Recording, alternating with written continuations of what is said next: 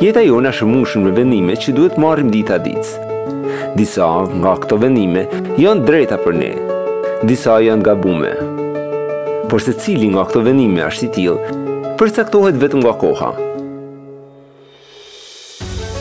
Prandaj në episodin e sotëm kemi përmbledhë disa vendime të vogla që janë konsideru të gabume për disa evente kyçe në histori. Dhe shumë nga këto do kishin ndryshu botën që njofim ne sot.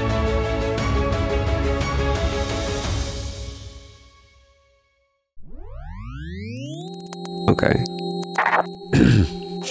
Ju po dëgjoni? Diçka ndryshe. Kaloni dhe Ada.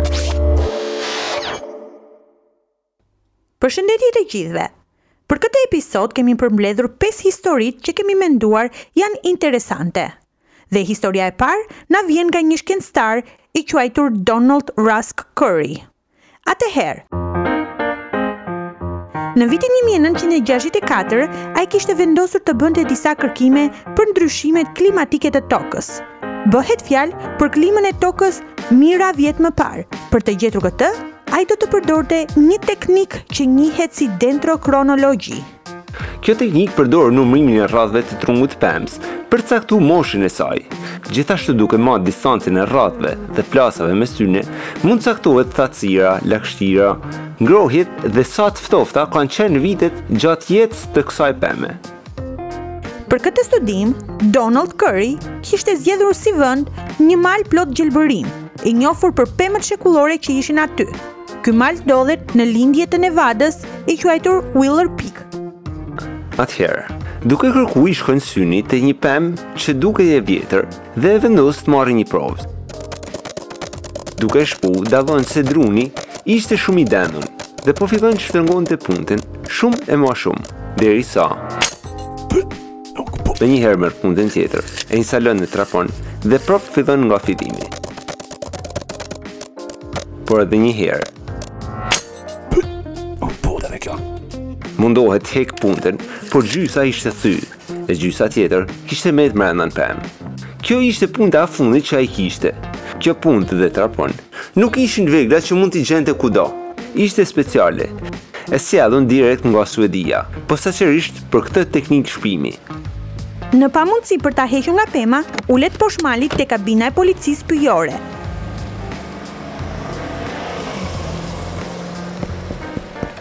Futet brenda dhe i tregon se çfarë kishte ndodhur. Menjëherë i kërkon që ta ndihmonin që të paktën të hiqte puntën e ngelur në pemë. Ata i sugjerojnë kërit se prerja e pemës është mundësia më e lehtë për të marrë atë puntë mbrapa. Në fund të fundit, ai mal ishte mbushur me pemë të tilla. Kjo pemë ishte pema e njëqind e katërmbëdhjetë që Curry kishte marrë provëza të tilla, dhe prerja e saj nuk kishte ndonjë rëndësi të madhe. E kështu sa për të më rrit.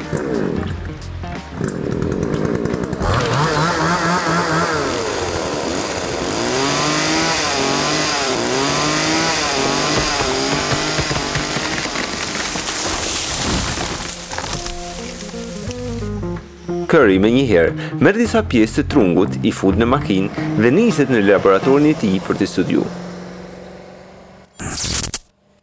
Në mëngjesin tjetër, fillon për të numëruar. Një, dy, tre, katër, Ashtu duke numëruar vazhdon të kthehet mbrapa në kohë.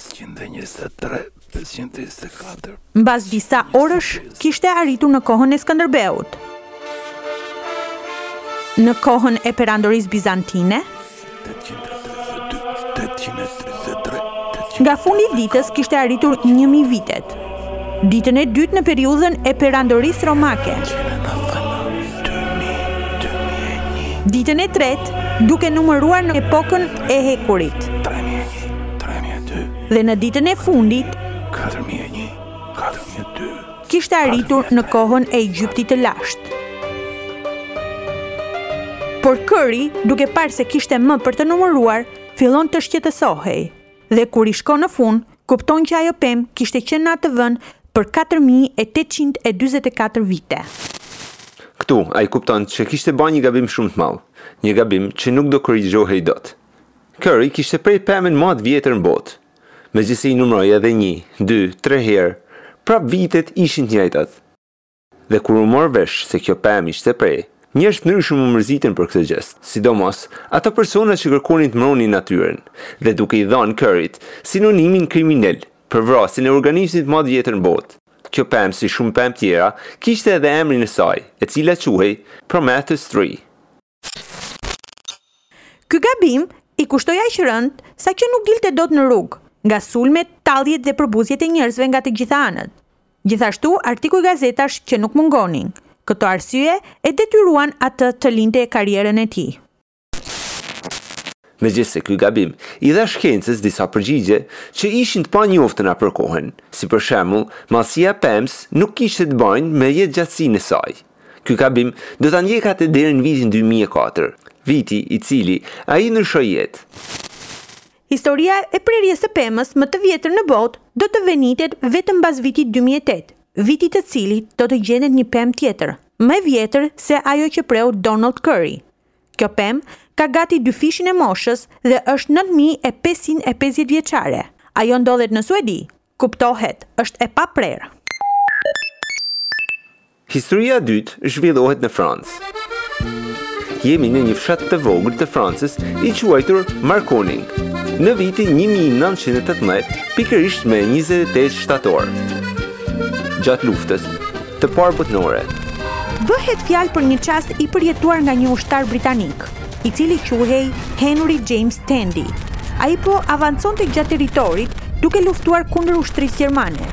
Papritur, i del përpara një ushtar gjerman. Ai drejton pushkën për ta qëlluar. Po ngaqë ushtari ishte i plagosur dhe gjithashtu i paarmatosur, atij i vjen keq dhe e ul armën, duke i lejuar ushtarit gjerman të largohet. Ushtari gjerman që për pak sekonda mendoi se ftyra e Tandey-t do ishte ftyra e fundit që ai do shikonte, largohet duke e përshëndet me kokë si gjest falënderimi.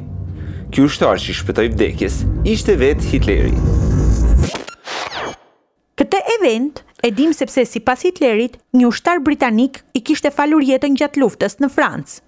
Gjithashtu, edhe se si ai e dinte se kush ishte ai.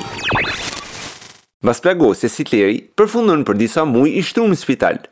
Gjatë qëndrimit atje, e vetmja mënyrë për të shty kohën ishte leximi. Dhe një nga ato ditë, duke lexu gazetën, rastësisht has tek një artikull, i cili fliste për një ushtar të dekorum i quajtur James Tandey. Bashkangjitur me artikullin ishte edhe fotografia e këtij ushtari. Megjithëse kishin kalu tre muaj, fytyra e Tandey-t, atij nuk i kishte ik nga memoria. Në atë moment, Hitleri kuptoi se ai djalë që i fali jetën ishte pikërisht ky person, dhe kështu, shqyen nga gazetat faqen për ta ruajtur këtë foto, që nëse në të ardhmen ta takonte këtë ushtar, ta falënderonte për gjestin e bërë. Kjo histori nuk maron këtu. Në vitin 1937, gjatë një mramje në Berlin, ku Hitleri kishte ftu gjithë stafin e tij, hapet një diskutim për artet figurative dhe një doktor i cili bante pjesë në stafin e tij, i quajtur Otto Schwinder, shprehet se zotronte një pikturë, e cila ishte kriju nga Fortunino Matania, piktor i famshëm i asaj kohe, i cili është i njoftun edhe sot për pikturat realiste, të cilat i përkasin asaj periudhe. Sipas doktorit, kjo pikturë ishte kopjuar nga një fotografi ku ishte pasqyruar një skenë e disa ushtarëve britanikë gjatë Luftës së Parë Botërore dhe një nga këta ushtarë është James Tandy, duke mbajtur në krah një të plagosur. Hitleri kërkon t'di ma shumë për këtë pikturë, dhe doktor Schwinder, duke e parë interesin që Hitleri kishte për këtë, Mbas disa mujsh i dërgon një kopje të kësaj pikture si dhuratë. Hitleri ishte kaq mirënjohës për këtë, saqë i dërgon letër falënderimi duke i shkru ndër të tjera se, Kjo fotografi ka shumë domethanie për mu. Mbas një viti, në një mijë e nëntëqind e tridhjetë e tetën, Në Alpet e Bavarisë, tek shtëpia e pushimeve të Hitlerit, kishte ardhur për një vizitë diplomatike kryeministri i Anglisë, i asaj kohe, Arthur Neville Chamberlain. Gjatë qëndrimit aty, kryeministri i Anglisë po vëzhgonte pikturën me ushtarët britanikë dhe e pyet Hitlerin për këtë pikturë. Ai thotë, E shikon këtë djalosh? duke drejtuar gishtin tek Tendi. Për pak sa nuk më ka qëlluar për vdekje. Saqë mendova që nuk do ta shikoj Gjermaninë kurrë më. Kështu që, kur të kthehesh mbrapa, nëse mund ta gjesh falënderoje nga unë. Nuk dihet se çka ka ndodh mrapa me këtë histori. Tendi nuk ka shpreh asnjëherë për këtë ngjarje. Gjithashtu asht pyt edhe David Johnson, i cili ka shkru një libër për jetën e James Tendit. Dhe ai a shpreh se kjo histori mund të jetë thjesht një legjendë urbane. Megjithëse kjo ndodhi është plot mjegull nga Tendi dhe shumë e qartë nga Hitleri, historianët dhe hulumtues të kësaj historie nuk janë të sigurt që kjo ka një bazë të fortë. Me sa duket Hitleri ka qenë i fiksum te ai person që i ka pshtu jetën. Aq sa ia ka mush vetes menen se James Tendi ishte ai ushtar. Në të njëjtën kohë mos të harrojmë se ushtarët një gjest të tillë, pra të mos qëllojnë tek një ushtar i plagosur dhe i paarmatosur, e kanë pas si ligj të pashkrum, ose si kod nderi. Dhe kjo ka ndodhë shpesh në Luftën e Parë Botnore. Dhe sigurisht që mund t'i ketë ndodhë dhe Hitlerit. Por kjo nuk do të thotë se ai ushtar ka qenë James Tandy. Mendohet se Hitleri e ka mitizuar vetë këtë histori, për të treguar se një forcë më e madhe se ai vetë i ka shpëtuar jetën, që në të ardhmen të ishte ai që do të shpëtojë atë që ai e quan racë ariane. Sigurisht, që nëse ushtari që i ka drejtuar armën Hitlerit ta qëllonte, ai moment i cili nuk do të kishte zgjatur asnjë sekondë do të kishte ndryshuar trajektoren e historisë botërore.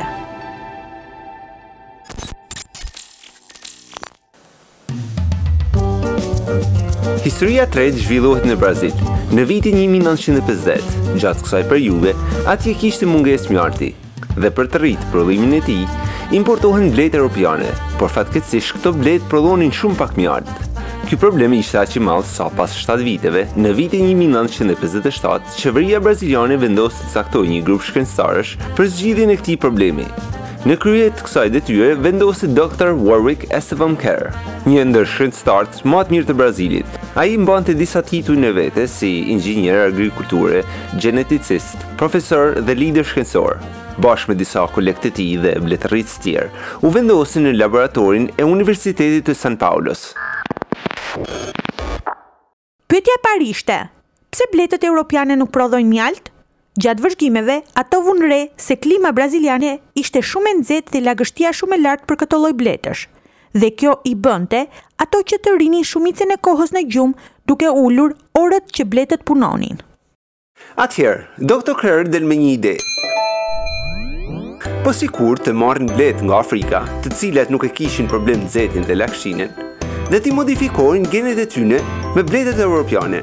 Kjo ide ishte gjeniale, por duhet provohej.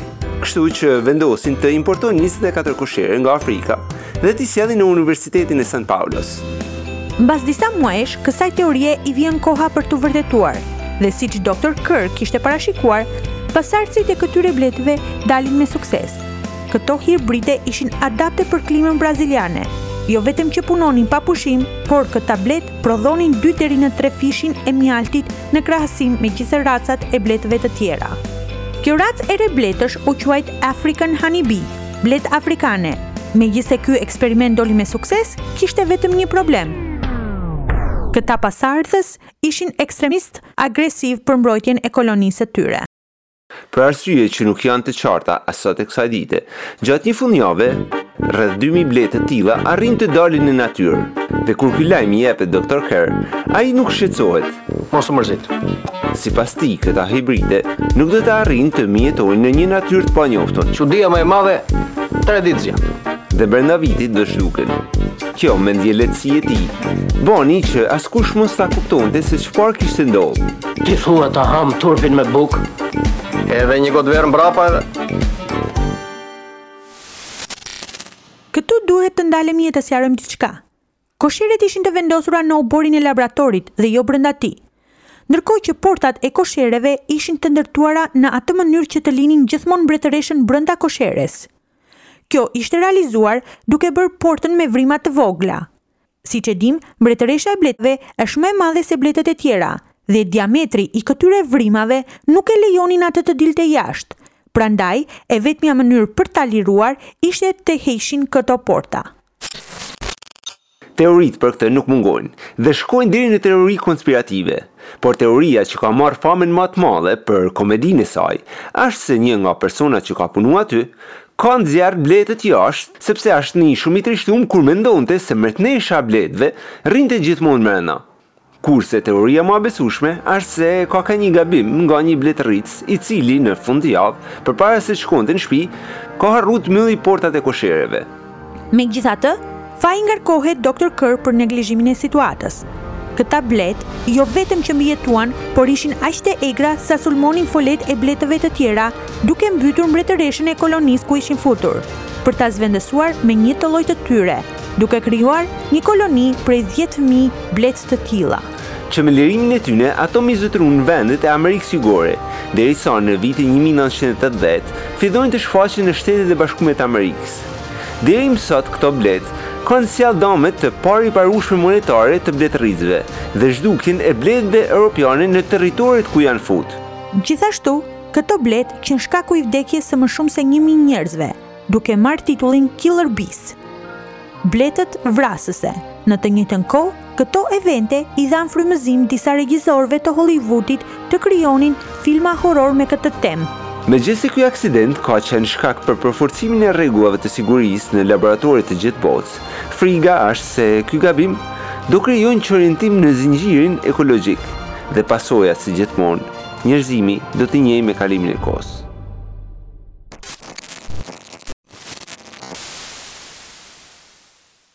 Historia e katërt bën fjalë për përmbytjen e Titanikut, e cila ka hyrë në historinë si tragjedia më e madhe detare në kohë paqe.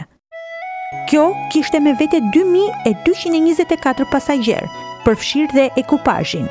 Në mesnatën e katërmbëdhjetë prillit të vitit një mijë e nëntëqind e dymbëdhjetë, vëzhguesi Fred Fleet shikon një akullnajë, dhe jep alarmin. Por siç e dimë, Titaniku nga shpejtësia që kishte nuk arriti që ta shmangte dot dhe si pasojë, anija që kishte titullin e pambytshme The Unsinkable do të përfundojë në fund të oqeanit brenda dy orëve dhe rreth një mijë e pesëqind veta humbasin jetën. Mbas këtij aksident Shtetet e Bashkume të Amerikës hapën hetimjet e tyne dhe personi që do t'i drejtonte ishte një senator republikan i quajtur William Alden Smith. Ai arriti ta dërgojë këtë hetim në Senat, ku komisioni dëgjoi dëshmitë e dhana nga shumica e mbijetuarve, gjithashtu edhe ato persona që ishin të përfshim në shpëtimin e tyne. Gjatë dëshmive që u dhanë në Senat, ishte edhe dëshmia e vëzhguesit Fred Fleet.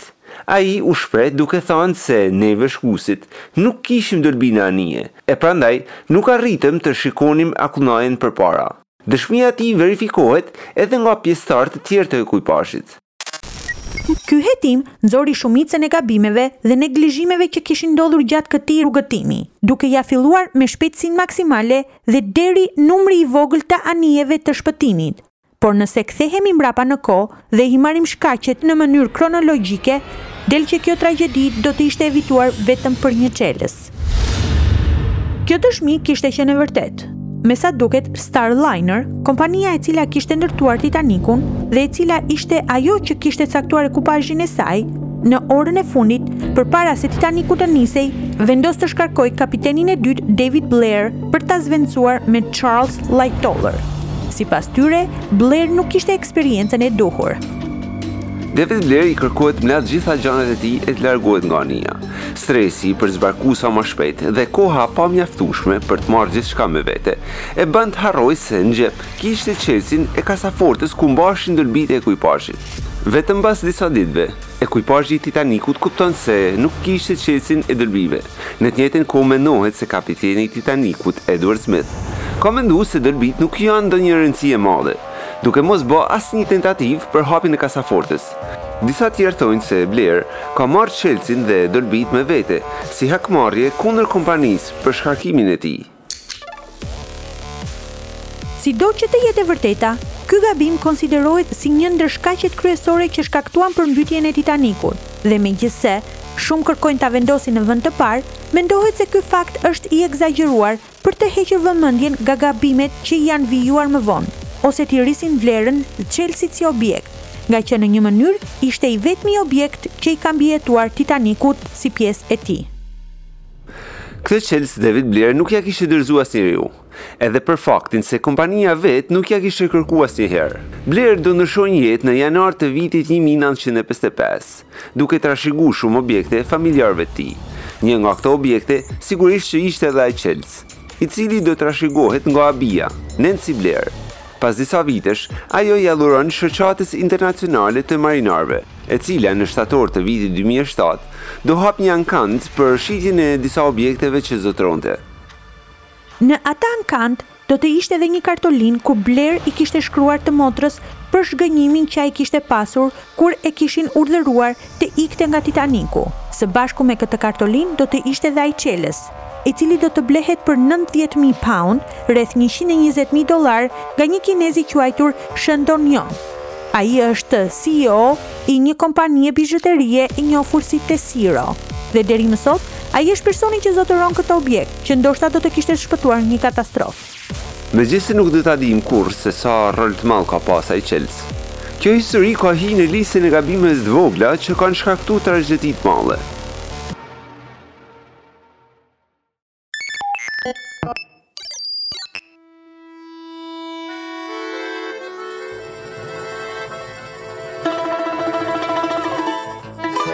Historia e funit që do t'ju tregojmë zhvillohet në Rusi. Por që të kuptojmë rëndësinë e kësaj historie, duhet të kthehemi disa vite përpara eventeve të ngjarjes kryesore.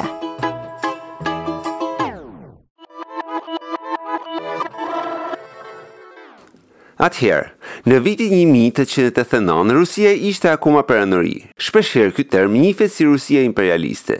Dhe në atë vit, njeriu në krye të kësaj peranorie ishte Aleksandri i Tretë, i cili kishte marrë fronin mas vdekjes së të jatit, Aleksandri i Dytë, nga një atentat që këtij të fundit i ishte ba në Shën Pitersburg.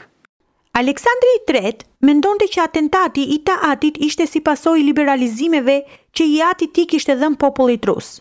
E vërteta është se revolucioni francez, si në çdo vend tjetër, kishte prekur dhe popullin rus, dhe shumë grupe kundra monarkisë kishin filluar të shfaqen në Rusi. Kështu që, Aleksandri i Tretë, duke parë se ky liberalizim mund të shkaktonte rënien e perandorisë, vendos që e vetmja mënyrë për të mbajtur perandorinë në këmbë Do të ishte diktatura absolute. Ajo diktaturë do futet në çdo cep të Rusisë. Dhe do arrijë deri në atë pikë sa që mësuesit e shkollave të mesme dhe të larta ishin të detyrum të jepnin raporte javore për nxënësit e tyne. Dhe nëse do kishte denoncime, ato do dënoheshin me ligj. Për këdo që do arrestohej, kishte vetëm dy dënime, njëra ishte vdekja, kurse tjetra ishte internimi në kampet e ftofta të Siberisë. Kishte edhe falje dënimi, por ishin shumë të pakta. Aq sa për të mbajtë shpresën gjallë. Gjithmonë firmën e fundit për këtë dënim e jepte vetë ai, Aleksandri i Tretë. Kuptohet se diktatura që ai po përdorte filloi të bënte shumë njerëz kundra tij dhe në gjashtë vjetorin e ceremonisë që kishte përgatitur për vdekjen e të atit, Aleksandrit të Dytë, atij i përgatitet një atentat. Por ky atentat dështoi disa orë përpara. Policia sekrete kishte arritur të infiltrohej brenda kësaj celule dhe arreston të gjithë ata persona që ishin pjesë e saj, me në krye Aleksis Ulniç Uljanov, mbajeni mend këtë emër. Ky i fundit do të dënohet me vdekje bashkë me pesë oficerët e tij.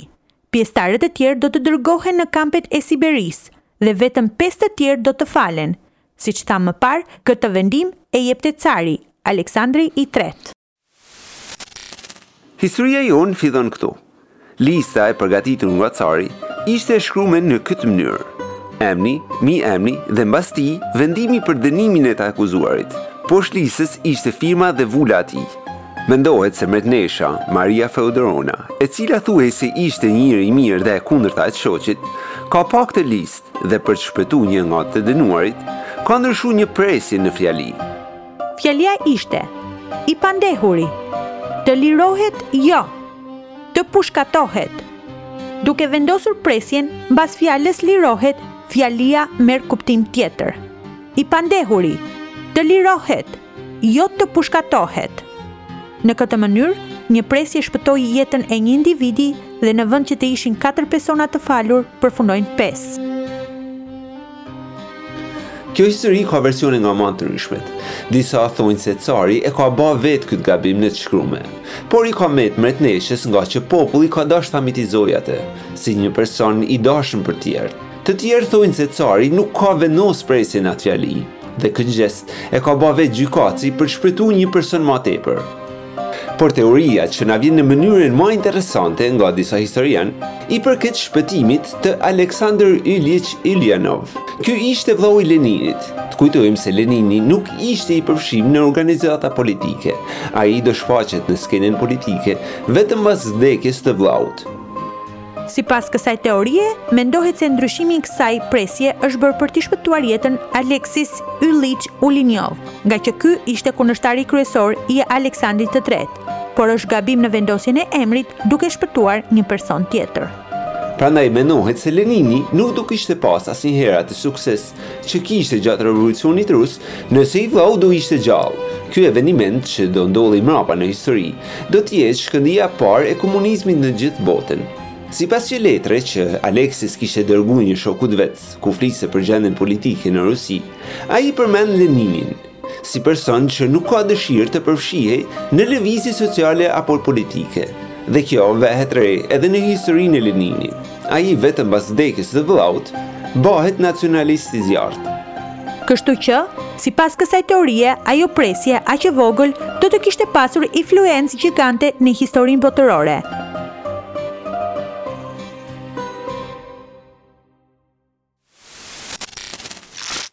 Histori si këto që dëgjuat ka pafund dhe do të ketë gjithmonë. Por ky episod nuk ishte të gjykojmë këto veprime.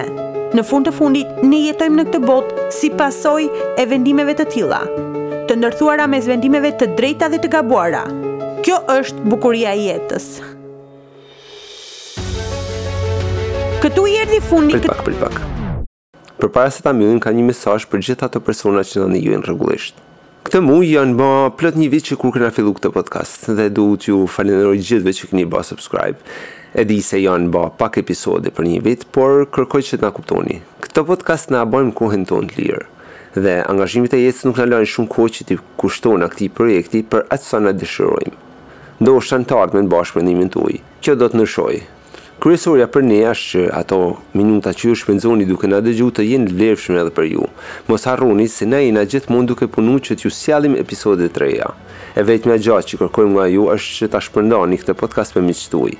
Dhe qofse na dëgjoni nga aplikacioni Apple Podcast, bani një like dhe review.